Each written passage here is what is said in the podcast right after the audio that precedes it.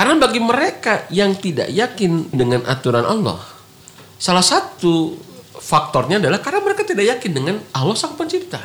Hmm. Kalau udah kayak begini, kita berat mau nerapin aturannya gitu. Dan itu bisa jadi cara untuk mencari pasangan juga salah satunya adalah Berlandaskan itu ya. berlandaskan itu, cari yang sama-sama meyakini. Sepakat. Iya. Itu kalau udah terlanjur misalkannya nggak usah nyari lagi. Apa lo? Soalnya yang ngomong Mang Angga kan. Ini bahaya ini jadi justifikasi tuh. Tuh pun cek Ustaz oke tanya gitu ya. Bisa gitu nggak ya gitu ya. Kalau belum mah boleh Ustaz ya. Oh belum ya boleh harus satu lah ya. Gitu.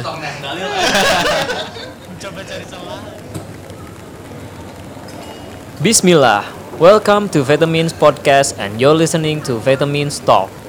Sebuah program ngobrol santai bareng guru kita seputar kegelisahan yang kita hadapi di kehidupan sehari-hari. So, sit back and relax, enjoy our podcast. Assalamualaikum warahmatullahi wabarakatuh. Kembali lagi dengan salah satu program dari Vitamins Podcast yaitu Vitamins Talk. Nah, kita dari Studio 1 di Kihiur kumpul di tengah hujan yang gerimis-gerimis kayak gini. Alhamdulillah di sini juga udah ada kumpul teman-teman juga. Saya Angga dan ada teman-teman. Saya Banu. Saya Engkus. Saya Nov. Saya Abud. Saya awal. Saya Awa. Rame. Saya Hasan. oh iya iya. Dan alhamdulillah hari ini juga di sini udah ada gurunda kita Ustadz Hasan Faruqi. Assalamualaikum Ustadz. Waalaikumsalam warahmatullahi wabarakatuh. Sehat Ustadz? Alhamdulillah. Eh, masya Allah. Nah di tengah hujan yang gerimis-gerimis mengandung ini kita akan gerimis-gerimis mengandung Apa nih, akan lagu- membahas lagu saha itu? Nah, kelihatan umur. Ya tahu umur gerimis mengandung. Kita akan membahas eh, beberapa hal yang menjadi apa ya keresahan, keresahan. Eh, kita akan coba bahas dengan guru kita nih. Jadi gini Stan, wah tadi pembuka curhatnya gitu. Jadi gini. Jadi gini, Calon gaca juga jadi. gini Tan. Eh, beberapa hari atau beberapa pekan terakhir ini tuh sempat eh, membaca di sosial media ada beberapa isu yaitu isu tentang perempuan dalam rumah tangga. Isunya cukup unik. Ada yang mengatakan bahwa eh, laki-laki atau suami tidak bisa memaksa perempuan untuk punya anak. Kenapa? Karena anak itu kan ujungnya ada di tubuh perempuan. Dia yang akan melahirkan, dia yang hamil, dia yang akan membesarkan. Jadi tidak ada laki-laki nggak boleh maksa gitu. Hmm. Tapi di sisi yang lain, eh ada juga laki-laki yang dengan egonya yang sangat tinggi, dia tuh kayak seolah-olah cari istri itu untuk jadi apa ya tanda kutip pembantu gitu, Ustaz. Ya. Dia tidak mau berperan juga dalam rumah tangga. Tapi kita tidak akan membahas dari isu feminis atau apa pun. Eh, ada satu pemikiran sebetulnya peran suami dalam rumah tangga atau peran istri dalam rumah tangga itu sejatinya tuh kayak apa sih? Tat? Ya, oke teman-teman sekalian. Alhamdulillah wa syukurillah la haula wa la quwata illa billah. Eh, Asyhadu an la ilaha illallah wahdahu la syarika la wa asyhadu anna Muhammadan abduhu wa rasuluhu alladzi la nabiyya wa la rasula ba'da. Amma ba'du. Allahumma salli wa sallim ala nabiyina Muhammad wa ala alihi wa sahbihi wa salam. Eh, terima kasih Mangga yang sudah membuka eh, podcast kita kali ini ya. Alhamdulillah ya. Sekarang kita apa banyak pasukan yang kayaknya banyak Banyak yang banyak gelisah. banyak yang gelisah gitu. banyak yang gelisah gitu ya. Ya setidak-tidaknya berbagi cerita lah ya, sharing. Saya juga sampai hari ini apalagi kalau urusan rumah tangga, urusan anak ya masih belajar lah terus lah ya gitu ya terus dan berbagi lah karena memang proses yang tidak pernah selesai gitu ya jadi rumah tangga itu dan sekelumit yang ada di dalamnya itu adalah ibadah yang terpanjang gitu ya yang yang nggak dibatasi oleh yang nggak dibatasi oleh us- usia ya gitu kecuali memang wafat gitu ya Ya kita meninggal, wafat, malaikat Israel ambil kita ya udah selesai ibadah kita gitu ya. Kalau sholat ada waktunya gitu ya. Kalau apa namanya zakat ada waktunya, haji ada waktunya, saum ada waktunya gitu ya. Ya kalau rumah tangga nggak ada waktunya kan gitu ya. Makanya kenapa disebut nisfu dinihi gitu ya. Nisfu, setengah agama. Oh, Tentunya ya kajian setengah agama nih kita tadi gitu ya. Ya karena memang apa namanya di sanalah apa namanya yang menjadi eh, sumber bukan sumber ya yang bisa merawat kita untuk bisa menjadi hamba gitu tempat merawat yang paling utama supaya kita masih bisa menjadi hamba ya itu adalah rumah sebetulnya. Ya gitu ya dari rumah. Rumah orang bisa rajin ke masjid gitu ya. Awalnya dari rumah gitu ya. Jadi apa namanya banyak peranan masalah. penting ya, oh iya punya peranan penting. Banyak masalah juga berawal dari dari rumah gitu ya. Jadi inilah pentingnya kenapa kita mengkaji masalah masalah seperti ini gitu ya. Dan sayangnya ya apa namanya masalah-masalah seperti ini dianggap ya disepelekan lah ya. Ya di nomor sekian kan gitu. Jadi bahkan bisa mengalahkan profesi gitu lah duniawi gitu ya profesi duniawi. Apa sebagai apa sebagai apa gitu ya. Kadang kita berani keluar uang berani keluar harta tenaga pikiran ninggalin keluarga untuk profesi. Tapi masalahnya kadangkala kita nggak berani gitu ya mengeluarin menginvestasikan tenaga pikiran harta waktu untuk mengilmui peran yang nggak pernah kita bisa hindari betul nggak? Iya, iya. ya Mas Nov nih. kan laki-laki kan? Ya. Maksud saya saya bukan tanda tanya. bukan tanda tanya ini tanda seru. Tanda seru Mas Nov. Sorry sorry. Mas Nov ya. Pernyataan. anda kan laki-laki jadi nggak mungkin kan kita mutasi jadi seorang ibu kan? Jadi seorang istri betul nggak? Betul betul. Nah, iya, iya.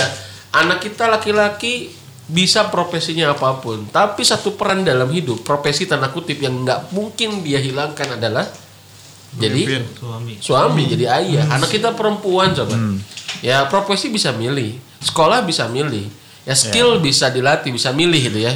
Tapi peran sebagai istri, Oh, istri. eh anak perempuan, sebagai istri, sebagai ibu bisa dipilih? Nggak bisa. Ya, ini sebetulnya harus kita ilmu. Ini masalahnya di kita teh sibuk dengan menyiapkan generasi untuk memiliki profesi tertentu, tapi lupa menyiapkan mereka untuk menjadi ibu, bapak atau suami istri yang baik. Nah, ini antum-antum kan sebagian udah punya anak nih atau akan punya anak atau akan mencari ibu dari anak gitu kan ya. ya. Sorry, sorry, sorry, sorry. Maret, Maret? Maret ya Isa. Atau yang sedang mencari ibu dari calon anak kita gitu ya. ya. Jadi apa namanya itu siapkan ge- generasi kita itu untuk menjadi suami istri yang baik. Itu dulu aja dulu ya. Karena ini nggak bisa di di, di- Dipisahkan gitu ya. dipisahkan dan nggak bisa diberikan profesi ini ke orang lain kan. Betul, betul. Misalkan kita bilang misalkan ya Bun, misalkannya ke istri kita ya, Bun, Bun. Teh bunda, bukan buntelan. Baik, Bun.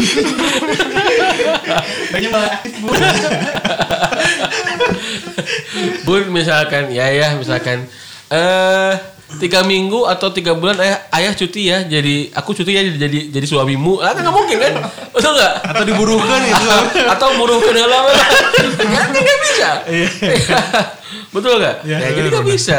Maka apa namanya ya kita bersyukur lah. Makanya mudah-mudahan teman-teman vitamin gitu ya eh, bareng saya bareng kita kita gitu terus menginspirasi lah lewat kajian-kajian setengah agama ini gitu ya. Kajian setengah agama kajian rumah tangga ini gitu ya. Kajian anak kajian suami kajian istri gitu ya. Kemudian juga ya kajian pranikah menyiapkan orang-orang yang belum nikah untuk lebih pede gitu ya Benar, Bah, menghadapi- benar, benar. Nah, bener, Bah. Kalau mau, kalau mau. lebih lebih berani gitu kan ya karena kan biasanya kalau ada ilmunya biasanya lebih berani gitu kan ya Betul, Bah. Wah. Betul betul wah. Mewakili. ya Tapi ada juga yang bilang gitu, Bah. Eh, gimana? Eh, kenapa jadi siap menikah? Karena sering dengar kajian, jadi melandaskan kajian, eh melandaskan pernikahan jadi sebuah ibadah Oh katanya. iya, Oh, subhanallah. Allah. Dan memang udah jadi kaidah lah. Kadang-kala kita nggak ada ilmunya jadi nggak pede kan. Ya. Gitu ya. Walaupun bukan satu-satu bukan satu-satunya kan. Iya. Gitu ya, bukan satu tapi kayak saya lah ya, misalkan nggak ada ilmu tentang apa namanya tentang sesuatu atau tentang bikin kopi misalkannya cuman informasi aja ya sekilas mungkin nggak nggak nggak nggak nggak pede lah kalau suruh coba usah jadi bante, bartender ya apa namanya bartender ya Barista. barista barista barista jadi barista misalkannya kan kadang saya nggak pede gitu karena cuman ya tahu sekilas tapi kalau sudah sering mengilmui gitu ya kemudian dikit-dikit praktek atau lihat orang mengilmui kajian oh jadi lebih berani gitu. Meningkatkan kesiapan mental. Ya, jadi mudah-mudahan kajian kita banyak memprovokasi.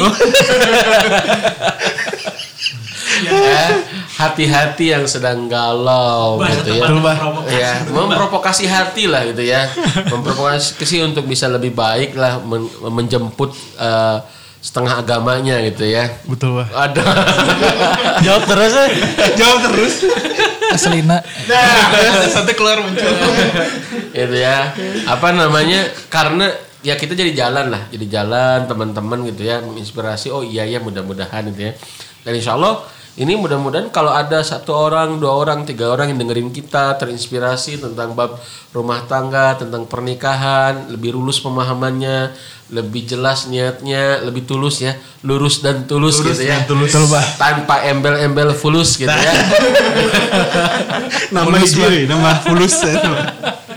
ya mudah-mudahan itu jadi jariah buat kita ya teman-teman ya oke Amin, amin. Nah kalau kaitannya dengan tadi gitu ya, itu sebetulnya kalau tadi sama Mang Angga disampaikan misalkan tentang berbagi peran, wah itu kan sebetulnya sederhana tapi panjang pembahasannya.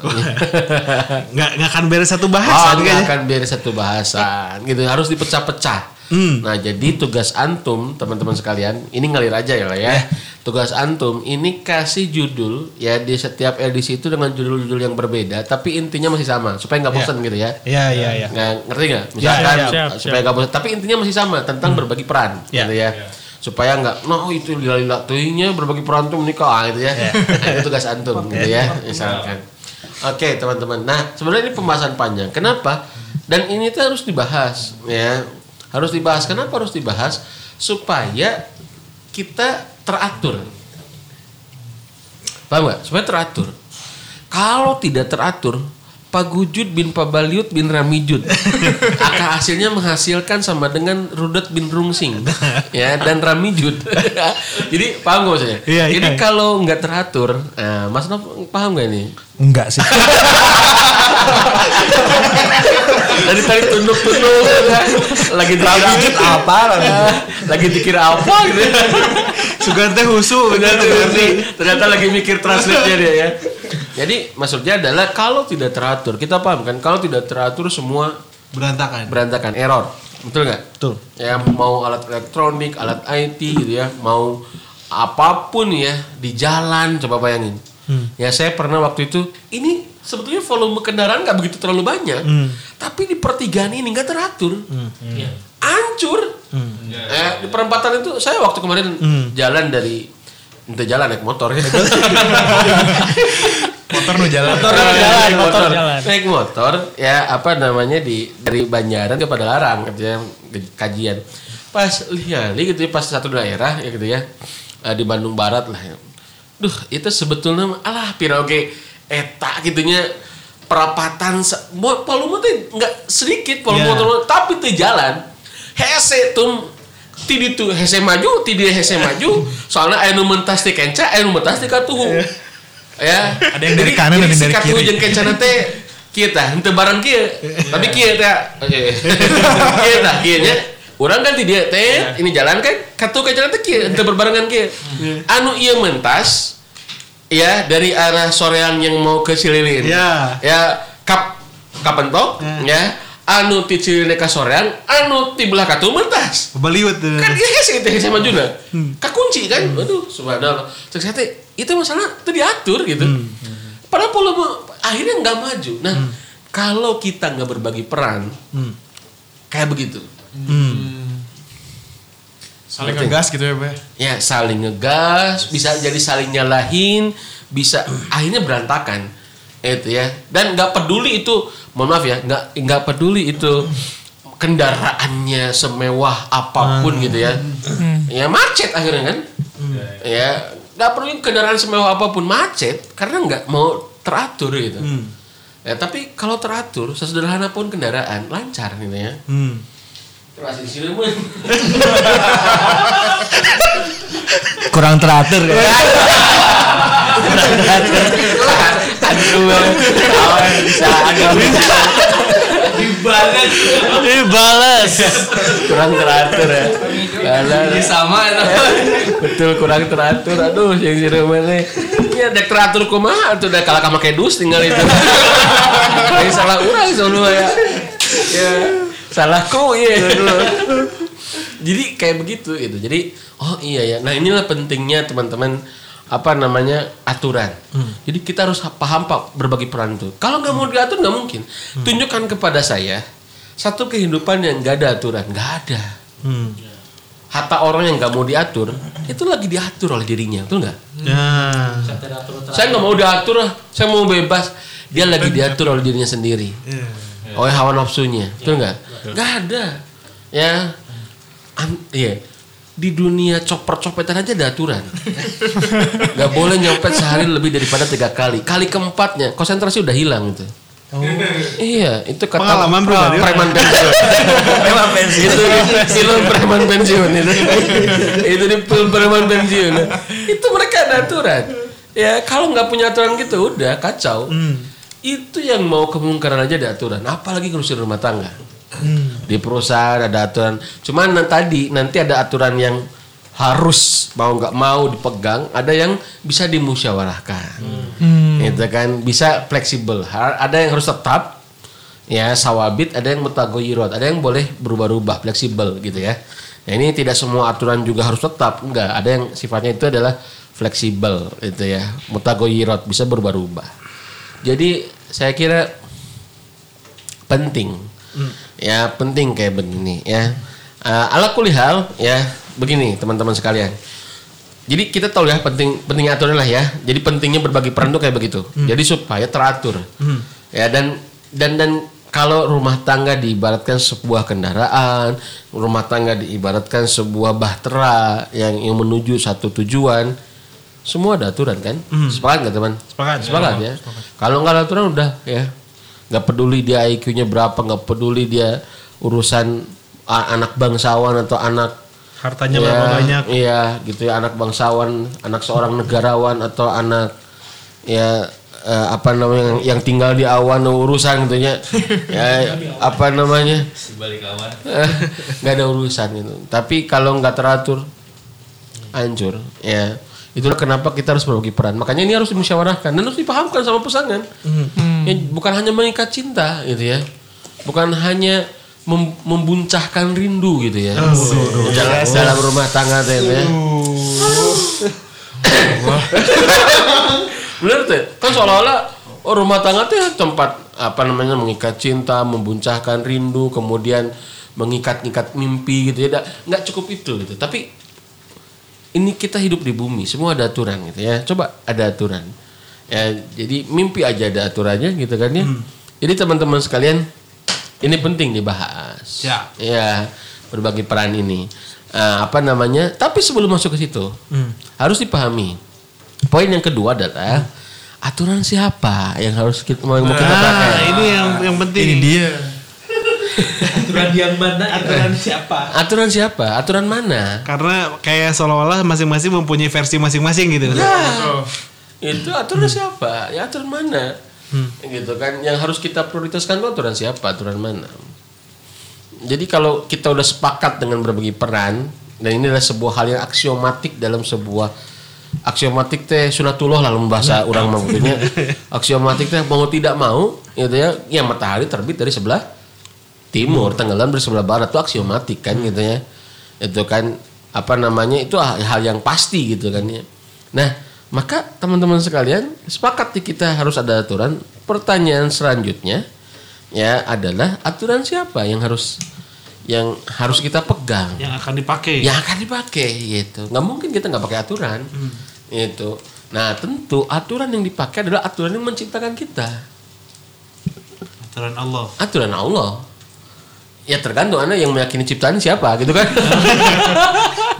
Tanya dulu kan itu kan. Iya, iya. Ya, aturan ciptaan Anda gitu kan. Ya, yang menciptakan Anda siapa? Itu aja tanya gitu kan. Anda ya pakai aturan kita dong Pak Ustadz. Ya, tanya yang menciptain Anda siapa? Ya, ini misalkan produk produk laptop ini produk Apple. Eh betul ya? Iya, betul. Apple kan. Yang punya aturan kan mereka yang bikin. Masa produk Apple tapi yang punya yang ngatur adalah Asus misalkan. Betul nggak? Iya. Eh, apa bilangnya Asus betul? Betul. Betul, bisa salah saya ini ya natural loh ya emang ingetan lah. Soalnya saya kurang akrab gitu dengan istilah-istilah IT gitu nya ya. Ini kan kita lagi ngobrol dengan designer. Mantap. ya karena sekarang ustadz dan tukang desain itu ya pahalanya hampir sama lah ya gitu ya berburu pahala gitu ya berlomba-lomba gitu ya betul ya jadi teman-teman sekalian ya nggak mungkin kan kita pakai aturan. Nah, ini motor Yamaha. Ya diatur sama Honda kan nggak mungkin. Yang nyiptainnya siapa? Betul. itulah kenapa kaidah pertama. Auzubillahiminasyaitonirrajim Iqra. Bismillahirrahmanirrahim. Lanjutin. Bismillahirrahmanirrahim. Lagi. Khalaq. Holak Holak itu siapa? Allah. Balik lagi gitu. Anda yakin nggak yang nyiptain itu Allah? Aku nggak yakin. Udah. Kalau ente nggak yakin Allah yang nyiptain Jangan bicara tentang aturan Allah. Hmm. Berat tuh. Ya. Ya. Jadi ulah maksakan Aturan Allah Kajeleman itu yakin. Nu nyiptakeun Allah. Mana pi atuh? Dirinya wae geus kakunci Makanya ka- kuncian yang pertama, kuncian yang pertama ya Allah khalaq. Yakin nggak Allah yang nyiptain? Karena nanti balik lagi ke sini. Kalau kita yakin Allah yang nyiptain, lah aturan siapa yang mau kita pakai? Dan jadi kaidah untuk semua hal juga ya, Pak ya? Yes. Buk- belum bukan aturan dulu, tapi yakin dulu. Yakin dulu, yakin siapa yang nyiptain? Allah. Eh, itu kan. Jadi kalau yakin Allah yang nyiptain, ya pakai aturan Allah. Saya nggak yakin Allah yang nyiptain, ya udah. Lu ngatur diri lu aja sendiri gitu ya. Nah, itu. Atau lu diatur sama aturan ya yang Lu bikin lu sendiri. Yakini. lu yakini dia eh, dia itu pencipta lu gitu kan. Terserah gitu kan. Itu. Paham gak ya teman-teman? Berarti ngaruh ke pemilihan keputusan juga ya, Stad ya? Ya. Ke depannya. Jelas. Jelas. ya. Jelas banget itu. Jadi tahapannya ya menurut saya sih itulah kenapa itulah itulah kenapa tahapan yang pertama itu tahapan yang pertama surat yang pertama turun dalam konsep ilmu itu ya ini tentang ilmu surat al-alaq itu adalah alladzi khalaq Hmm. Itu yang menciptakan yang telah menciptakan. Itu tuh kaidah sederhana. Karena bagi mereka yang tidak yakin yang tidak yakin dengan aturan Allah salah satu faktornya adalah karena mereka tidak yakin dengan Allah sang pencipta. Hmm. kalau udah kayak begini kita berat mau nerapin aturannya gitu. Dan itu bisa jadi cara untuk mencari pasangan juga. Salah satunya adalah Berlandaskan itu ya. berlandaskan itu, cari yang sama-sama meyakini. Sepakat, iya itu kalau udah terlanjur misalkannya nggak usah nyari lagi Apa lo? Soalnya yang ngomong Mang Angga kan. Ini bahaya ini jadi justifikasi tuh. Pun cek Ustadz oke tadi gitu ya. Bisa gitu nggak ya gitu ya. Kalau belum mah boleh, Stad ya. Oh belum nggak boleh harus satu lah ya. Gitu. Mencoba cari celah. Jadi ya itulah caranya juga adalah tadi teh harus frekuensi ya supaya lebih mudah kita. Kalau ada yang disepakat sepakati dulu hal-hal yang prinsip yang baru apa namanya. Tapi pada dasarnya kalau sama muslimah ataupun sebagian besar manusia yakin lah ya. Iya. Itu ya apalagi secara muslim yakin. Cuman ini yang harus ditanamkan kembali gitu kan. Keyakinan ini yang harus dikokohkan kembali supaya lebih mudah dalam menjalankannya berarti bagi peran. Selanjutnya nih, tadi satu tentang pentingnya berbagi peran supaya teratur. Yang kedua, aturan siapa? Ya. Kemudian yang ketiga, ya Allah menciptakan aturan itu untuk melindungi manusia. Ngerti nggak? Eh, Bukan untuk mengekang berarti, Stad. bukan ah, Kadang suka merasa kayak gitu juga kan. kayak gitu juga ya. Bukan untuk mengekang, untuk melindungi. Ya, contoh nih contoh nih ya. Kadang kita nggak paham. Ini eh, saya nih pengalaman. Ikut nanya eh, Jok and Max teh misalkan ya. Ini saya gitu. asa kurang lebar gitu ya. Ya iya mah contoh ya mah eh, kurang teh dicobaan gitu ya lebaran. Ternyata bener. Tengenahan diuk teh gitu ya. Lebarnya dapat tapi diuknya tengenahan. Karena itu Mun Supra ternyata nunyian Supra apalagi gitu ya. Yang ternyata itu. yang bikin itu udah pakai aturan gitu. Ngerti nggak? Ya kesannya kita si Hasan nu bodoh gitunya. Disangkana wah ya tengenahan pisan ya salah gitu akhirnya ya tapi ternyata oh itu ya walaupun tentu kalau ke barang mah kan fleksibel lahnya gitunya tidak apa namanya bisa nanti bisa berbagai persepsi lah gitu ya. Tetapi itu salah satu hikmah gitu ya. Eh, oh iya ini ternyata nges aya nanti Hitung- hitungannya lagi. nges dihitung gitu ya. Oh iya kayak begitulah ya. Jadi tadi betul bukan untuk mengekang. Eh eh.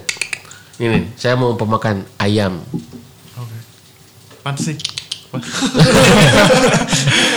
Kala, itu naonnya bukan ayam ya?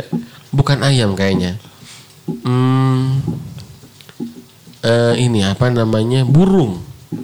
Oh. Eh, jadi oh sorry. Apa ya maksudnya ya? Jadi maksud data adalah di dilindungi itu dilindungi itu oleh apa namanya oleh oleh bi, cangkang dalam bahasa Indonesia Eh, Kulit. Sangkar, sangkar. dikuliti dikuliti Oh, Kuliti. Eh, kulitnya teh gitu ya kalau endog pan endog ya oh iya. endog teh cangkang endog non Oh, eh, Iya, cangkang bener. kulit Cangkang telur. cangkang Cangkang cangkang ya telur. benernya cangkang telurnya itu ternyata untuk melindungi ya Oh ya. Bener, bener. seperti dikekang Padahal. tidak bebas. Padahal memper- dipersiapkan supaya pada waktunya dia bisa lebih kuat. Ya Parit, menghangatkan kalau nggak salah. ya untuk menghangatkan. Melindungi. karena beda gitu kan. Kartu kartu itu Iya, iya. ya kayak begitulah kurang lebih. Itu perumpamaan. Jadi kadang Allah kesannya buat kita itu adalah mengekang. padahal enggak. Ya justru untuk melindungi. Lamun tek itu bahayanya lebih gede makanya dalam surat al-baqarah disampaikan auzubillahi minasyaitonirrajim yuridullahu bikumul yusra wala yuridu bikumul usra Allah menginginkan buat kalian kemudahan dan Allah tidak menginginkan buat kalian kesulitan justru ini aturan itu supaya lebih mudah. Oke lah, contoh deh, contoh deh, emang gampang ya. Kudu loba contoh ya. Kita mau terjun ke medan perang. Terus pakai baju perang. Ya cek orang teh "Eh, mana kara ribet kieu nya. Deket barurat. barurat tuh nah sih itu gitunya. Pakai helm perang gitunya, pakai ba- nanti baju pelindung perang. Nah, itu sih pedang lah pandrek perang ya gitu ya. Dia mau terjun ke medan perang, nggak mau ribet dengan baju perang. Ya, Padahal baju perang setidak-tidaknya ditujukan untuk bisa melindungi, meminimalisir ya kemadorotan atau ya apa namanya bahaya buat tubuhnya. Ngerti nggak? Kayak begitulah teman-teman. Jadi kadang-kadang kita nggak mau ribet padahal ketidakribatan itu adalah bahaya terkadang. Nah itu. Jadi itu prinsip yang ketiga. Jadi kita pahami bahwa Allah itu ngatur ya untuk supaya lebih mempermudah, melindungi kita, mempermudah, melindungi kita. Nah ini harus dipahami dulu. Engke soalnya berat lamun kia nah hanya menikah suami mah kayak begitu. iya, betul, betul, betul. Eh, perempuan mah kayak begini. Kenapa ya cek suami teh perempuan mah kayak begitu? Ari aku jadi suami kudu begini. Dan kita mau aya pertanyaan eta itu lamun orangnya prinsip-prinsipnya geus beres gitu. Betul, betul. Udah selesai. Kalau bersih-bersih udah selesai, mulai pertanyaan nganahan-nahan gitu. ya, tahun masuk tadi ada pertanyaan ya ada pertanyaan misalkan apa tadi teh? Ya hak perempuan lah hamil mah gitu kan ya. Hak perempuan kan yang punya tubuh perempuan, yang hamil perempuan, melahirkan perempuan, menyusui perempuannya kuma perempuan yang boleh kuma suami atau ya gitu ya. Iya. Katakanlah ya pertanyaan selanjutnya jadi suaminya harus ngambil siapa tuh ya? Harus ke siapa, Bun? kan lu gitu ya yang jadi ceweknya gitu ya masa lu gitu ya jadi apa namanya teman-teman sekalian itu tidak akan ada pertanyaan itu ya kalau kita kembali kepada apa namanya Aturan. itu aturan itu yang kita sepakati tadi gitu ya karena ya jadi sehingga persepsi kita itu dibentuk oleh prinsip-prinsip tadi gitu, nggak liar. Karena kalau beralasan banyak, Hmm. lah jangan kan manusia tuh. Iya. Ya iblis aja punya alasan nggak sujud ke Adam. Iya. Nah, gitu kan. Kalau alasan banyak gitu. Ya, itu namanya diabolisme ya. Pemahaman-pemahaman iblis gitu ya. Itu, ya, iblis aja punya alasan apalagi kita gitu manusia gitu ya. Maka supaya ala- dan alasan itu mungkin bisa jadi beralasan. Maksudnya eh, oke nya gitu ya. Tapi logis gitu ya, tapi dikembalikan lagi tadi Kan ya bukan logis seolah-olah. Seolah-olah. seolah-olah logis gitu ya seolah-olah logis dan itu dikembalikan lagi kepada apa namanya aturan atau pakam-pakam yang kita sepakati Ya. begitu teman-temanku Mantap. Baru mau kodima ini. baru pengantar nih. Baru pengantar. baru pengantar nih ya teman-teman sekalian ya. So, Urgensinya baru urgensinya ya ini. belum ke berbagi perannya ya. Baru kita eh, apa namanya kenapanya atau prinsip-prinsip yang harus disepakati ketika kita mau ngobrolin berbagi peran itu ya. Siap. Wallahu a'lam bishawab. Ada lagi yang pertanyaan sebelum masuk kita ke berbagi perannya. Kayaknya mah itu Zat, eh, langsung ke intinya karena ada juga yang mau menikah di bulan Maret ini. Jadi sebetulnya butuh oh iya, butuh ilmu Dan bahan diskusi. dan bahan diskusi. mangkos siap mang. Apa nih yang harus disiapin nih? Takutnya pada saat menjalani eh, salah peran atau yaitu ibaratnya tadi yang Ustadz eh, ceritain pada Traktor saat eh, kita beli satu alat, otomatis pada saat mau walaupun alat itu milik kita, tapi kita menggunakannya kan harus buka manual book yang didapat dari si perusahaan yang bikin si laptop itu sendiri. Betul. Gitu. Jadi gimana ya supaya jadi suami yang baik? Ya. Nah, kalau kita itu tiga prinsip itu udah kita sepakati gitu ya. Ya, baru kita ke teknisnya ya tentang berbagi perannya itu gitu ya. Jadi kumaha tuh peran saya nanoi sebetulnya prinsip besarnya itu sudah Allah sampaikan dalam Quran surat eh, An-Nisa ayat ke-34. Hmm. Ya, Anissa ke-34. Ini tentang inspirasi berbagi peran bersama atau bersama berbagi peran. Gitu ya. Ya. Dan ini surat ini sudah familiar lah ya, banyak lah ya antum bisa buka. A'udzubillahi minasyaitonirrajim. Ar-rijalu qawwamuna 'alan nisa bima faddalallahu ba'dahum 'ala ba'din wa bima anfaqu min amwalihim. Itu ya. Fasalihatu qanitatun hafizatun lil ghaibi bima hafizallah. Wallati takhafuna nusuzahunna ya fa'idhuhunna wahjuruhunna ya eh, wadribuhunna itu ya. Eh aduh saya lupa lagi nih. Ada yang bisa baca ini? Fa'in ata'nakum fala tabghu alaihinna betul ya? Sabila gitu ya. Jadi teman-teman sekalian yang dirahmati oleh Allah itu sudah jadi kaidah. Ya, lihat ar-rijal qawwamuna 'alan nisa. Ya itu kan. Ini sebetulnya kaidah ini yang harus dipegang bahwa rijal itu zaman daripada rojul.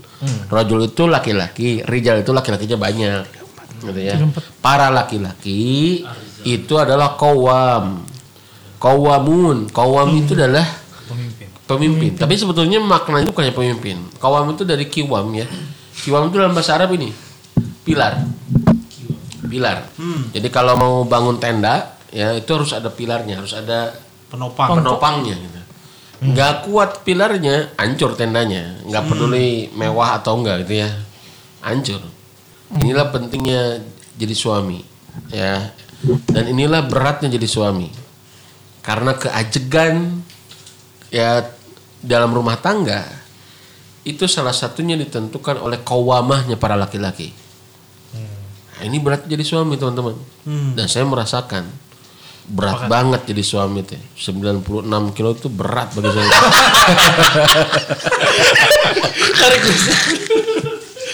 Suka itu rekaman arane. Ingin menebak tadi. berat tuh. 96 kilo teh berat ya. luar biasa itu bukan perkara yang mudah itu. Membawa setiap hari. Ah, iya, kudu- di awal batak suku teh sisireumeun. Kurang teratur. kurang teratur harganya. ya gitu ya.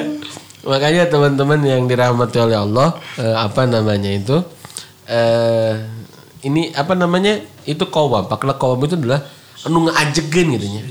Ya, walaupun nih saya sampaikan barusan juga. Walaupun keajegan itu terkadang harus mengalami turbulensi. Hmm. Ya. Paham gak maksudnya? Ya. Jadi rek ngaajegeun teh kadang-kala kudu aya anu kadang Goyang, terjadi ada goyangan, goyangan gitu. ada goncangan gitu. Tapi ini kan ngajegeun. Justru lamun teu digoncang teu teu teu aya goncangan belum tentu dia nggak ajeg gitu. Eh belum tentu dia ajeg gitu. Mencengin gitu. Dan kita nggak tahu sejauh eh, sekuat apa gitu. Iya. Justru goncangan itu diperlukan untuk ngetes. Dan betul untuk ngetes dan memang goncangan ini sudah sepaket dengan mengajegan gitu. Kadang-kala kayak begitu. Nah, itulah kenapa kadang-kala kita untuk menegakkan kawama terkadang terjadi terkadang terjadi goncangan. Oh. Paham nggak? Jadi Iya, antum nggak mesti harus takut dengan konflik. Kalau konflik itu kita teks ini, kalau konflik itu sesuatu hal yang wajar, ketika mengajekan Hmm. jalan terus. Macet, ih macetnya naon ya. Ternyata gara-gara nggak teratur, berarti macet ini harus dihilangkan. Gimana cara ngilanginnya? Atur. Macet, ternyata macet ini ini adalah jalan lagi bikin flyover. Anda jangan berpikir ngilangin macet, itu udah sepaket. Hmm. Hmm. Iya iya. iya. Karena jangan mikir nggak jadi jalan gara-gara takut macet. Ah. Atau bahkan Gitu. takut takut konflik gitu. Iya, Konflik. betul. Jadi nggak ah ulah rem macet atau macetnya ini harus hilang nih gimana gitu caranya ya. Oke, Anda mungkin bisa berpikir meminimalisir macet, tapi kadangkala kita punya keterbatasan karena bikin flyover ini, misalkan ini harus sepaket dengan macetnya. Iya. Dampaknya pasti macet gitu. Rek di kumaha kayak gitu. Oke, Anda boleh coba mengurai macetnya gitu ya diatur, tapi kadangkala dan kita akan mengatakan, "Lah nggak apa-apa lah. Ini proses bikin flyover kok. Nanti kalau flyover di jalan, ya itu ya. Nah, Lancar. itu. Makanya saya, hey para suami, Anda gak usah takut dengan konflik. Yang jelas pastikan konflik itu dalam kondisi mengajekan kewamah Anda. Eh serius, karena banyak laki-laki yang takut konflik. Iya betul. Hmm. Borangan gitu ya. Ya itu ya. Takut konflik. Padahal enggak, enggak usah khawatir. Kalau itu bagian daripada kewamah kita, lurusin, nggak jadi masalah. Bukan untuk Enggak. menghindari Ustaz ya. Bukan menghindar, bukan kita tidak berempati dengan istri dengan anak enggak. Ya, yang penting lakukan dengan ikhlas, dengan ilmu, ya, dengan lembut. Ngerti nggak? Iya iya iya. Antum nanti begini teman-teman. Nah, Eh, oh. iya, iya. Siap. siap, siap. Iya, iya. Nanti Nabi itu kita ketemu sepanjang sejarah Nabi ada episode konflik dengan Istri. istri-istrinya. itu dalam menegakkan kawama. Konflik Nabi itu bukan gara-gara nggak jadi traveling ke Eropa.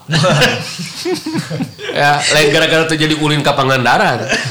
Ke Bromo, lain. Ya, kan orang mah gitunya konflik ribut, ah, ribut, terjadi ulin.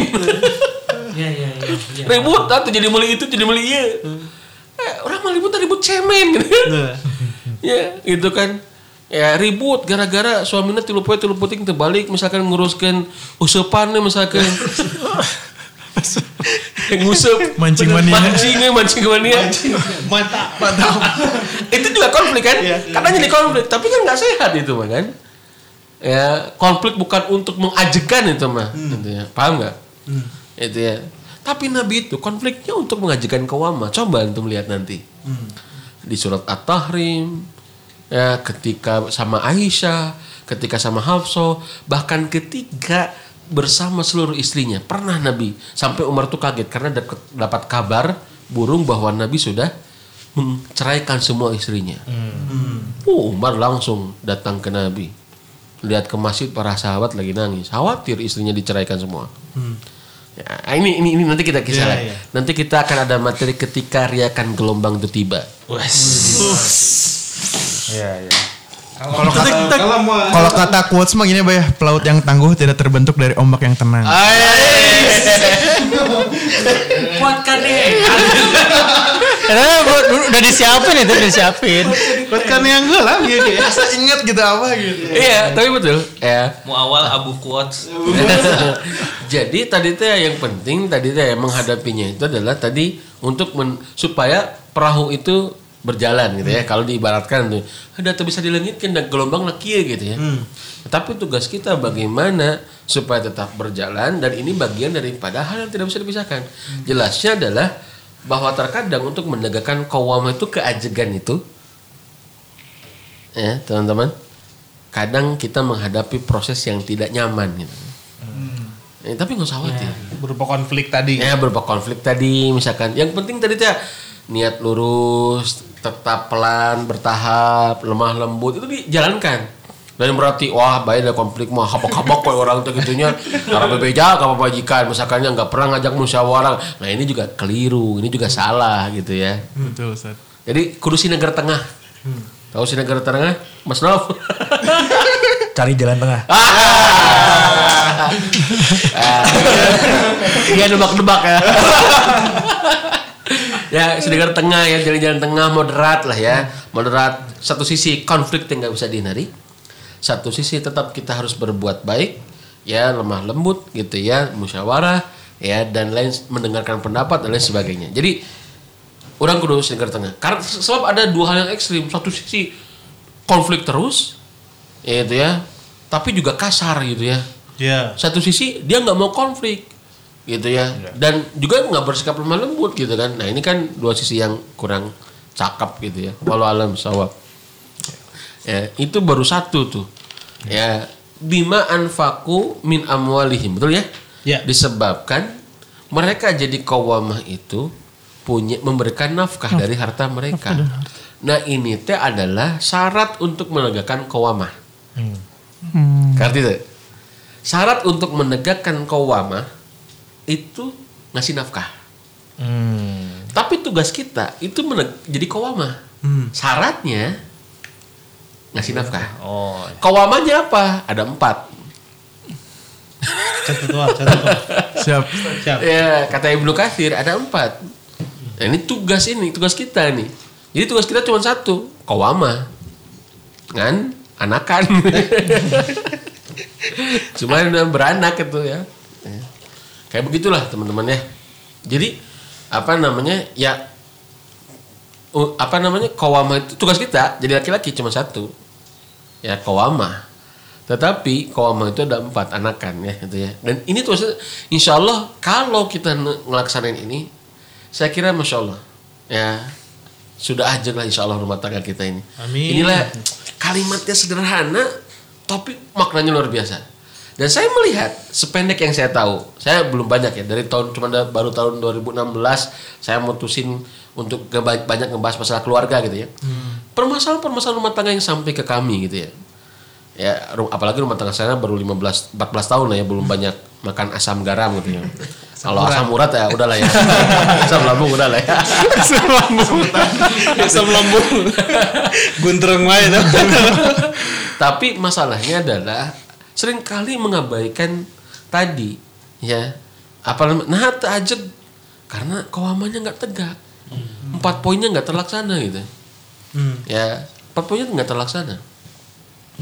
Jadi cuma empat poin. Kalau perempuan fasolihatu qanitatun hafizatun lil ghaibi bima hafizallah. Cuman dua perempuan mah. Ya satu apa namanya konitat taat. Taat ke Allah taat ke suami. Ridho Allah lalu ridho suami, ya hafizat hafizat itu apa? Menjaga dirinya. Ya atau menjaga yang sudah Allah jaga gitu ya cuman dua konitat dan hafizat ya maka saya suka bilang ya kewajiban istri itu bukannya sehan wasuwadah ya nyuci masak itu bukan kewajiban istri Kewajiban siapa? Kewajiban siapa? Ayo masa mah kewajiban catering itu. Betul juga, kewajiban. Tukang laundry. Laundry. Ya oke. Dapat gawean eta. Tuh bun. Nanti kita bahas istri bukan pembantu. Ya, iya. Itu. Secara hukum fikih istri bukan pembantu. Nah, bahkan menyusui itu kewajiban siapa? Menyusui Ya. Kewajiban seorang ibu. Kewajiban suami. Cuma suami nggak ada alat yang nginjem ke istrinya, minjem ke istrinya. Karena asi itu bagian daripada nafkah. Nafkah. Oh. Ngerti nggak? Berarti kita harus ngasih makanan yang gizinya bagus Sip. gitu, Dan supaya istri sehat dan menghasilkan asi yang baik. Nah, sip itu pertama. Kedua apa? Ngasih asi itu urusan gizi aja nggak? enggak. Bukan urusan gizi Oh, dan urusan emosi. Emosi, psikologis. gitu. Kebahagiaannya tadi ya. Memberikan ketenangan. ketenangan, ulah kenyamanan. riwe. Ya makanya gitunya ya mah pamajikan keur nyusuan. Ya salakina piru deuten. Ngusup bae. supaya diamekeun wae gitu ya. Gitu ya. Ah, suaminya malah main Mobile Legend nih. Gun bounce Tad. Sepedahan. Sepeda. berarti Lagi berarti kalau seandainya kalau seandainya para suami paham hal ini, kayaknya baby blues teh bisa Enggak. Enggak ya. Iya. Mau baby blues, mau inner child dari istri, ya inner child yang jelek ya, ke sifat kekanak-kanakan yang jelek. Mohon maaf ya, bahkan nanti ya kekerasan istri ke anak kita, afwan ya, itu ada indikasi suaminya belum menegakkan kawamah. Baiklah Tad. Oh baiklah, Bekal bekal. Mewakili. Penting ini. Ya. Eh, Baby blu- baby blues ada nggak? Oh, walau alam mungkin ada, mungkin tidak itu ya. Tapi yang penting kan kondisi emosi kan, betul nggak? Baby blues kan kondisi emosi yang negatif lah katakanlah gitu ya. Ya itu balik lagi kan kepada sampah-sampah emosi yang dia miliki kan gitu kan. Kalau suaminya jadi tempat sampah emosinya istrinya, Oh iya. sudah selesai. Tersalurkan. Oh, iya, iya, iya. Maka suami itu harus jadi tempat sampah emosi istrinya. Hmm. Kalau kita tidak jadi tempat sampah emosi istrinya, satu Hmm. ya sam- sampah-sampahnya itu te- Hmm. nyebar ke mana-mana. Ya kak Berantakan gitu. berantakan, kak budak, kak kak nanti kak kak mertua, kak orang tua, jadi berantakan ke orang-orang sekitar. Kan sampah itu bau lah menjadi wadahan, menurut ya? Hmm. Iya, iya, iya. Berantakan kan? Modal gitu. Udah, itu eh, kemadorotan atau dampak yang pertama. Dampak yang kedua apa? Bisa jadi dia cari tempat sampah yang lebih indah. yang, Ikan, guys. yang lebih peduli gitu ya. yang mampu menampung lebih banyak. yang lebih banyak menampung emosinya. Ya. Aman buang sampahnya gitu. Ya, ya. Ya, tertib ya dia lebih tenang tapi ternyata ya sampai emosinya geus di wadahanku tempat sampah yang lain yang gak halal min dzalik kan Berarti memang fitrah laki-laki teh harus menjadi tong sampah. wadah polos. ini narasinya kurang pas ya, ya narasinya kurang pas. Wadah kan bukan wadah wadah begitu wadah. Wadah Maris tadi. Ya. Motong Ustaz. tapi mengelola sampah emosi. Kan sekarang mesin pengolah sampah kan keren-keren kan intinya. Kalau anda tahu wah itu kan teknologi terapan tuh ya. Bisa di recycle. ya. wah gitu Pembangkit tenaga listrik juga ada kan? Oh iya kan. Sampah-sampah itu kan tidak mesti harus ulah dibayangkan kotor kan gitu kan. Bisa jadi kan apa coba main lah. Kita kan kalau main ke saya dulu per- eh, beberapa kali pernah main ke geria atau ke tempat tem- ke tempat belanja belanja barang gitu ya. Uh tempat sampah itu indah gengannya itu ya arah halus gitu ya carantik gitu ya. Jadi kararasep gitu ya jadi nggak mesti harus dibayangkan nanti Wuh, ya sih gak truk sampah gitu di bawah rauan, nggak mesti gitu kan? Iya. Silakan ya. Punten, punten, punten. Kloset.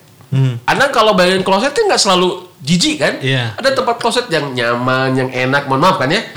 Punten, punten. Tapi kan tempat buang kotoran. Iya. Tapi kan nyaman, kayak kayak begitulah kurang lebih. Jadi, tapi bukan berarti para suami buka kloset ya. Lebih ini lagi ya.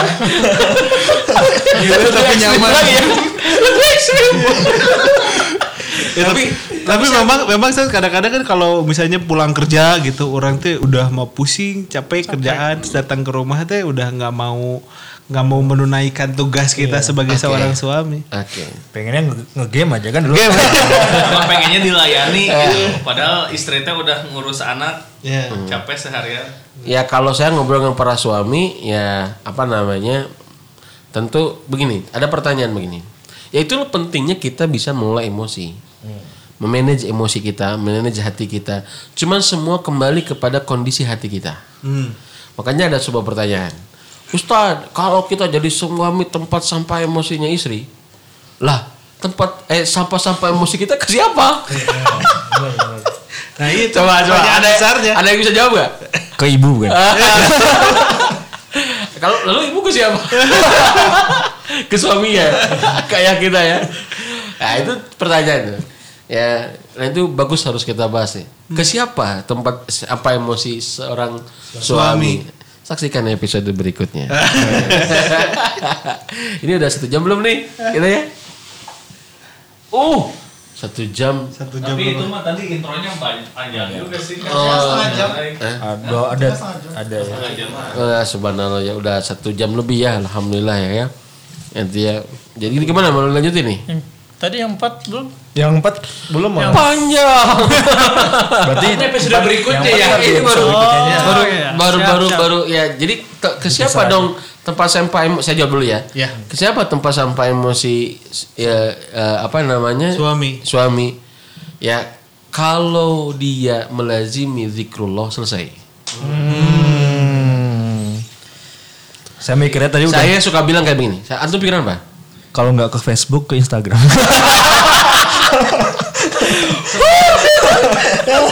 Is ngomong deui wae. Kalau enggak ke Bukalapak sih saya. Buka marketplace aja. Tokopedia. Tadinya rek jawab tahajud tapi bisa soleh deui. ke zikrullah. Ya teman-teman. Makanya saya suka bilang kepada para istri begini.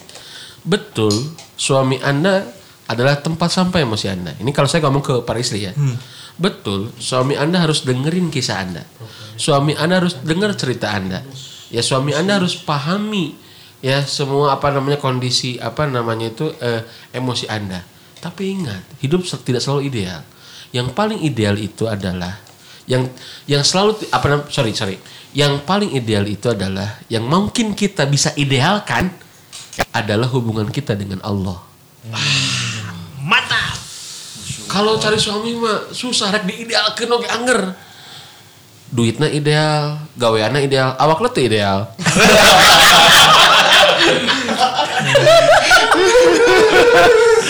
Sorry sorry sorry. Gua curhat ya Stad, stad, nuhun stad. Terwakili ya. alatnya ideal, awaknya ideal, kerjanya nggak ideal. Jadi sumpah yang paling mungkin kita idealkan adalah hubungan kita dengan Allah. Makanya saya bilang ya jika anda punya suami nggak mau dengerin cerita anda sampai emosi anda tidak apa namanya tidak tidak terwadahan, Allah itu selalu hadir buat kita.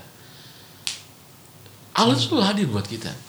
Dikrullah itu adalah membuang sampah-sampah emosi negatif kita. Kita bisa lebih ridho. Ya, itulah kekuatan zikir. Jadi hening gini. Marikir. Tapi serius tuh. Ini ini serius. Makanya kenapa Rasulullah itu ngasih tips ke Fatimah radhiyallahu an, anaknya sendiri. Ya ketika Fatimah minta hamba sahaya. Padahal Rasulullah kan punya jatah. Ya kalau tidak salah seperlima dari harta perang. Masa nggak punya hamba sahaya hasil rampasan perang yang bisa membantu Fatimah? Tapi Fatimah sama Ali minta satu untuk bantu kerjaan sehari-hari. Hmm. Ya, dikasih sama Nabi. Enggak. Padahal Nabi kurang dermawan gimana? Ada orang yang minta, kasih. Ada orang yang minta kasih. Sampai ada orang yang minta lagi. Nabi habis. Kata Nabi, kalau masih ada aku kasih. Tapi anaknya minta satu, enggak dikasih. Ya, apa kata Nabi? Wahai anakku, mau ditunjukkan nggak sesuatu yang lebih keren, yang lebih hebat dari kamu punya hamba sahaya, yang ngerjain ngerjain apa? Kayak, Kerjaan ah, rumah tangga. kerjaan rumah tangga sehari-harimu. Karena Fatimah itu kan kerjaan rumah tangga sehari-hari. Bawa air kan ulah dibayangkan toiletnya seperti di rumah kita ada. Ulah Gitu ya. pengen cai tinggal nyetrekeun. Ulah banyak tinggal nyetrekun tentunya.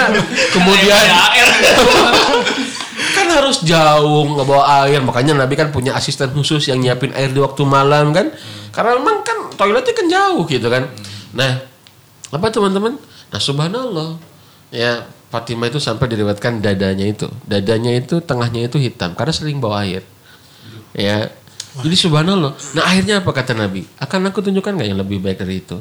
Namun cek orang merenya naon eta teh abah merenya apa itu teh ayah merenya karena kan Nabi ayahnya apa kata Nabi tasbih 33 tahmid 33 takbir 33 atau 34 sebelum tidur itu lebih baik daripada kamu punya hamba saya di rumahmu Inilah yang kata para ulama, inilah zikir Fatimah. Zikir yang menguatkan pekerjaan kita sehari-hari. Dan zikir itu membuat kita lebih rileks, lebih tenang. Ya, tapi Pak Ustadz, gua zikir nggak ngepek. Ya, bukan masalah zikirnya. Ya, yang nggak ber- yang bermasalah lu yang ngucapinnya. Ya, yang nggak berusaha untuk khusyuk. Nah, itu ya. Betul nggak? Sepakat nggak? Oke. Maka harus dilatih. Zikrullah itu. Maka kalau antum, ya teman-teman sayang ke istri sebelum ngasih mesin cuci, sebelum ngasih kulkas.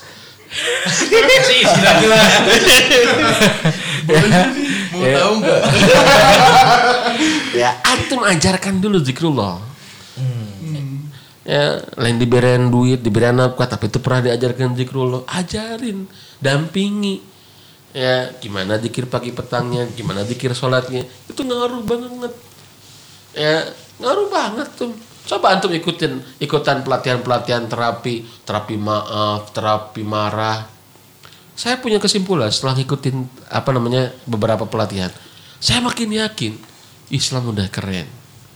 Dikira sholat itu udah nyelesain masalah kita seharusnya. Nggak ada ceritanya orang Islam stres seharusnya. Ya, kalau dikir sholatnya benar. Ya, walau alam bisawab. Ya, teman-teman.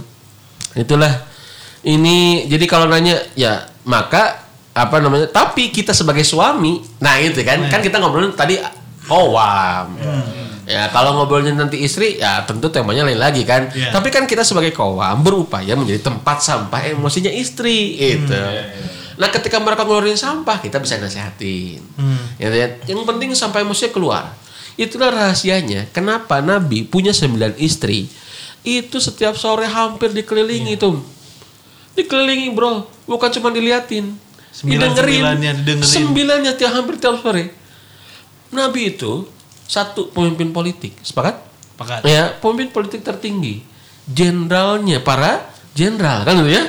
Coachnya para pebisnis, alimnya para ulama.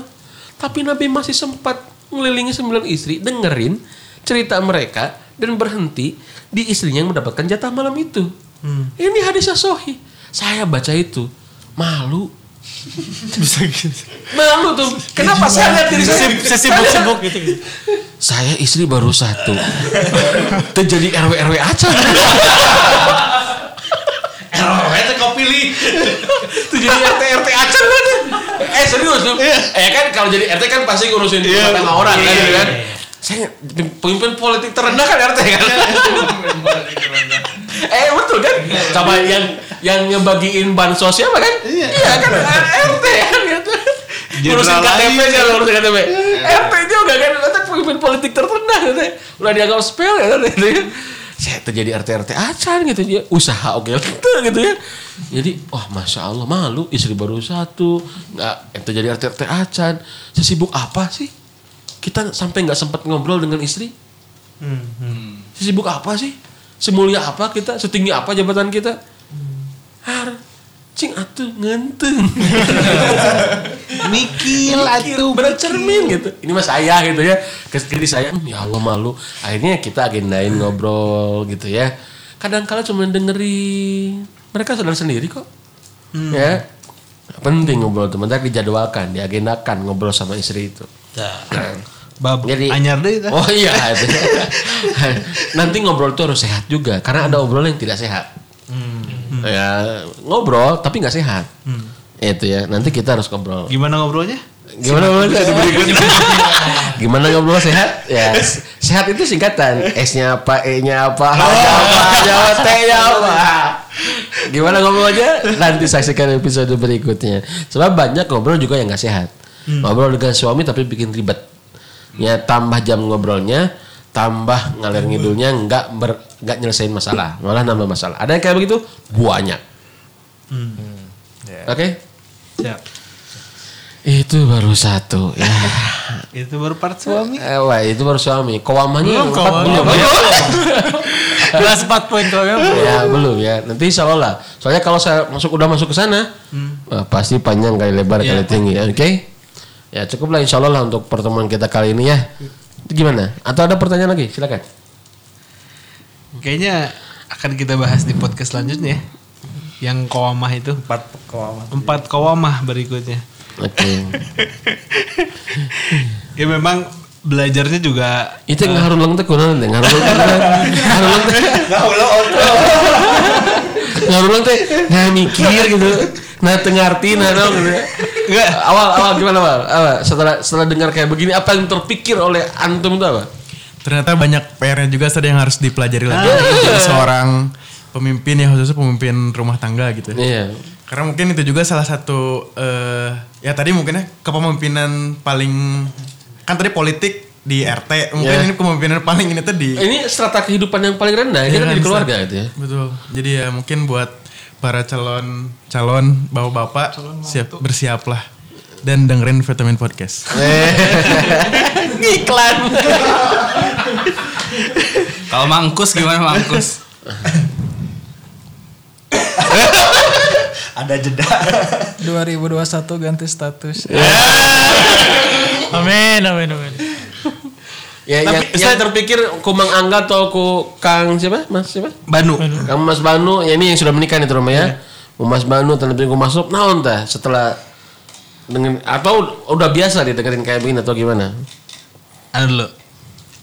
Kalau anu pribadi sih, hmm, pertama eh, semakin meyakini bahwa Islam itu eh, keren karena sampai hal pernikahan aja ternyata ya mungkin selama ini kita eh, membaca Al-Quran tapi mungkin kita juga nggak tahu isi Quran itu apa gitu. Tapi ternyata di Quran bab menikah pun ada Nah, petunjuknya ada gitu. Oke. Jadi semakin yakin bahwa eh, berislam teh. berislam teh udah jalan yang paling benar gitu. Itu yang Amin. pertama. Nah yang kedua eh kenapa terdiam karena menyadari eh, kita sebagai saya pribadi sebagai suami ternyata masih banyak kekurangan gitu. Nah pertanyaan ketiga, eh pemikiran yang ketiga adalah adakah kata terlambat itu Sir, untuk memperbaiki kondisi yang ada gitu? Mungkin dari Udah rusak gitu. enggak ya, ya mungkin Wah, itu ekstrim itu. Wah, itu setan narasinya frontal. Yang sudah terlewati Ya sudah terlewati karena iya kenapa kayak salah satu alasan si podcast ini dibikin karena mungkin di waktu masa saya pribadi sebelum nikah tuh belum tidak mendapatkan ilmu seperti ini gitu. Sehingga pada saat sekarang oh iya berarti dimulai dari memperbaiki keyakinan kita sama Allah terus memahami hukum-hukumnya sampai akhirnya oh tapi ini perbaikan ini dimulai gimana ya? Kapan ya? gitu. Ya, sebetulnya never too late. If you believe in Allah gitu ya. eh tadi ngapalnya dua minggu bro. ngapalnya dua minggu. Bisa salah. bro. Bener apa kena motor? Tidak ada kata terlambat lah selama kita yakin ke Allah ya. Sebab perubahan itu hasil perubahan itu adalah hak Allah. Hmm. Ya. Itu adalah hak Allah. Terus dan kewajiban kita adalah berubah. Hmm. Melakukan perubahan. Ya, melakukan perubahan. Kewajiban kita melakukan perubahan. Dan yang memberikan perubahan, hasil perubahan adalah Allah. Itu terserah Allah. Seberapa segimana dampaknya, seberapa besarnya, seberapa hasilnya, seberapa ngepeknya Allah. Innallaha la yughayyiru ma biqaumin hatta yughayyiru ma bi anfusihim. Sesungguhnya Allah nggak ngerubah kondisi satu kaum sampai kaum tersebut merubah apa yang ada dari mereka. Apa ma bi anfusihim, anfus. Apa yang ada pada jiwa mereka. Apa yang ada. Jadi jiwa dulu yang harus dirubah. Kenapa coba jiwa dulu yang harus dirubah?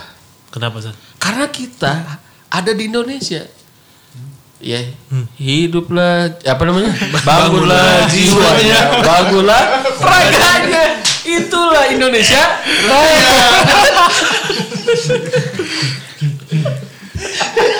Jawaban akan Kalau di Inggris beda berarti ya. bangunlah soalnya. Bangunlah soalnya guys. Jadi karena kita di Indonesia, bangunlah jiwanya, bangunlah raganya. Ya enggak lah, itulah soalnya just kidding lah ya. Ya teman-teman, kenapa harus jiwa? Karena jiwa inilah yang akan memberikan dampak kepada semua perilaku kita. Allah nggak bilang rubahlah eh, kendaraannya, rubahlah profesinya. Enggak, Allah nggak rubah itu. Yang pertama dirubah itulah ma bi anfus.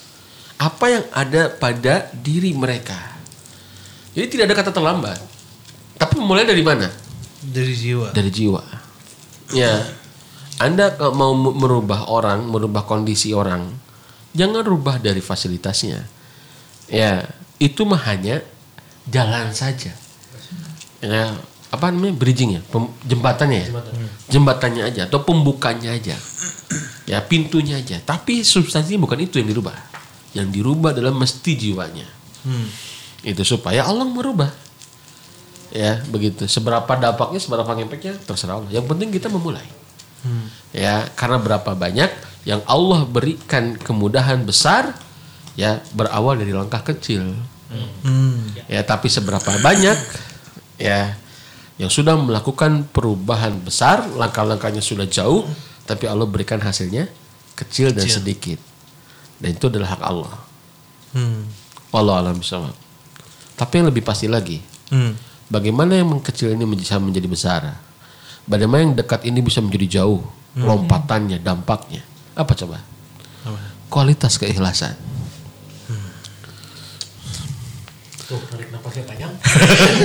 Kualitas keikhlasan. So itu ya kualitas keikhlasan. Karena kualitas keikhlasan itu adalah yang membuat yang sedikit bisa menjadi banyak, yang membuat yang kecil itu bisa menjadi besar.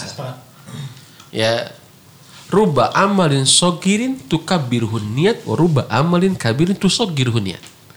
Jadi kata Ibnu Mubarak, bisa jadi amal itu kecil, tapi besar di hadapan Allah gara-gara niat.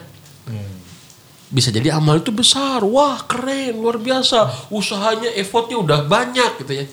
Eh, effortnya benernya Betul. Ya, usahanya udah banyak, tapi kecil di hadapan Allah. Hanya gara-gara niat. Ya, makanya antum sebelum rubah istri antum, istri kita, diri, mulailah dari mengharap ridho Allah. Ya, jika Allah ridho, nggak ada kerugian. Jika Allah ridho, nggak ada kerugian. kerugian. Tapi kalau saya hartaku jadi berkurang, ya, jika Allah ridho, nggak ada kerugian. Keberkahan Ustaz ya. Iya. Itu kuat wah kuat. ya. Ini panjang, bab keriduan Allah tuh panjang, panjang, panjang, panjang. Panjang ya. ya. bab anyar deui. Ya, jadi maksudnya adalah awalnya dengan keikhlasan.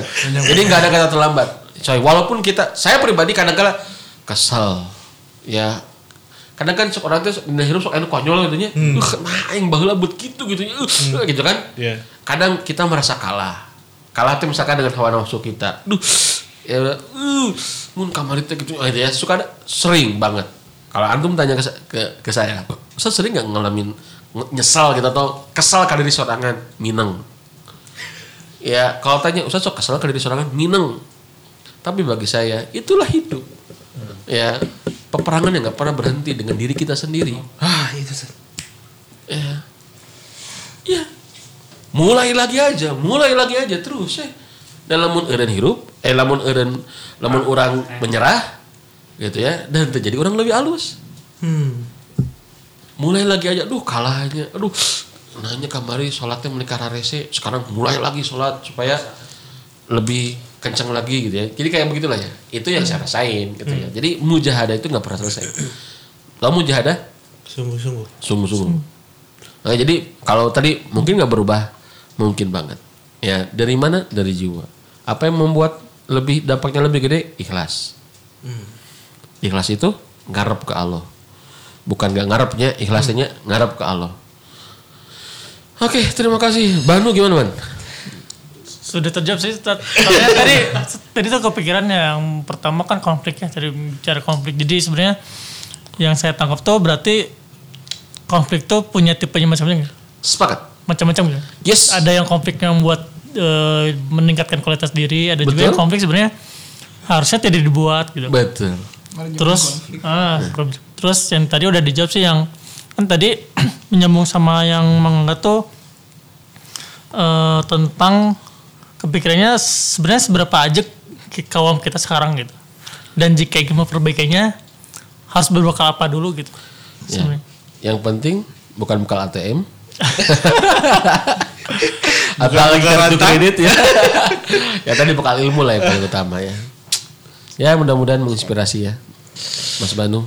Aduh, Masya. Itu bekal Insya ilmu. Mas Nov, terakhir. Kasih feedback nih. Durasinya emang aman ya? Aman bun butut kurang. Apa ya lebih ke ini. Mungkin kalau tadi men- menegakkan kaum tadi sih yang, yang mungkin menarik. Karena mungkin eh, banyak di antara mungkin para suami ya mungkin saya sendiri mungkin eh, untuk apa eh, banyak mendiamkan. Yang akhirnya mungkin konfliknya nanti bakal malah jadi lebih gede gitu. Betul. nah itu eh, ngeliat juga kayak kasus-kasus yang mungkin perceraian kayak gitu. Mungkin jatuhnya juga dari situ juga kayak. Betul. Ya, jadi perceraian itu bukan gara-gara bukan hanya gara-gara suami egonya berlebih, tapi gara-gara suami kurang ego. Hmm. Ngerti gak? Ngerti gak? Perceraian itu tidak selalu terjadi gara-gara suami terlalu ego. Tapi sering kali terjadi suami, perceraian itu terjadi juga gara-gara suami enggak eh, kurang ego. Acuh Nggak- gitu, ya? Acuh nggak negakin egonya, elehan, nggak mau konflik, banyak takut. Akhirnya apa? Nggak mau berkonflik, cari aman, gitu ya.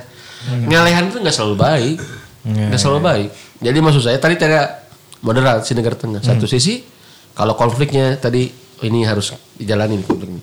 Gak apa-apa nangis-nangis dikit gitu ya. Iya, Gak apa-apa rame dikit. Gak apa-apa. Nggak usah antum nggak usah terlalu khawatir. Lihat istri baru dinasehatin sama kita. Padahal kita udah lama lembut ya. Udah baca bismillah misalnya. Al-Fatihah misalkan ya. Udah tahu dulu pertama. Udah tahu dulu ya. Istri pas dinasehatin nangis. Terus antum tuh gak jadi ngenasehatin. Ya tuh aku gak jadi maafin ya. Ah cemen ya. Gak apa-apa nangis. Nangis itu tidak selalu menunjukkan kelemahan. Mungkin dia sadar. Mungkin dia malu. Mungkin dia gak apa-apa. Ya maksud saya bukan bikin istri nangis-nangisin. Bukan. Yang penting tadi lemah lembut. Udah kita berupaya lemah lembut gitu ya. Udah berupaya untuk gak apa-apa itu proses. Ya, nggak apa-apa. Harus ada gesekan. Ya biar rajutannya makin kenceng. Ah, gitu. kalau Yang- dibiarin kan brodol Ya, gitu. Kadang kalau dibiarin seolah-olah bijak, padahal merusak, gitu kan? Soal bijak. Ya, walau alam bisawab lah ya. Quotes berikutnya itu. Ya, makanya tadi betul harus pilih konfliknya, gitu ya. Walau alam. Terima kasih teman-teman. Siap.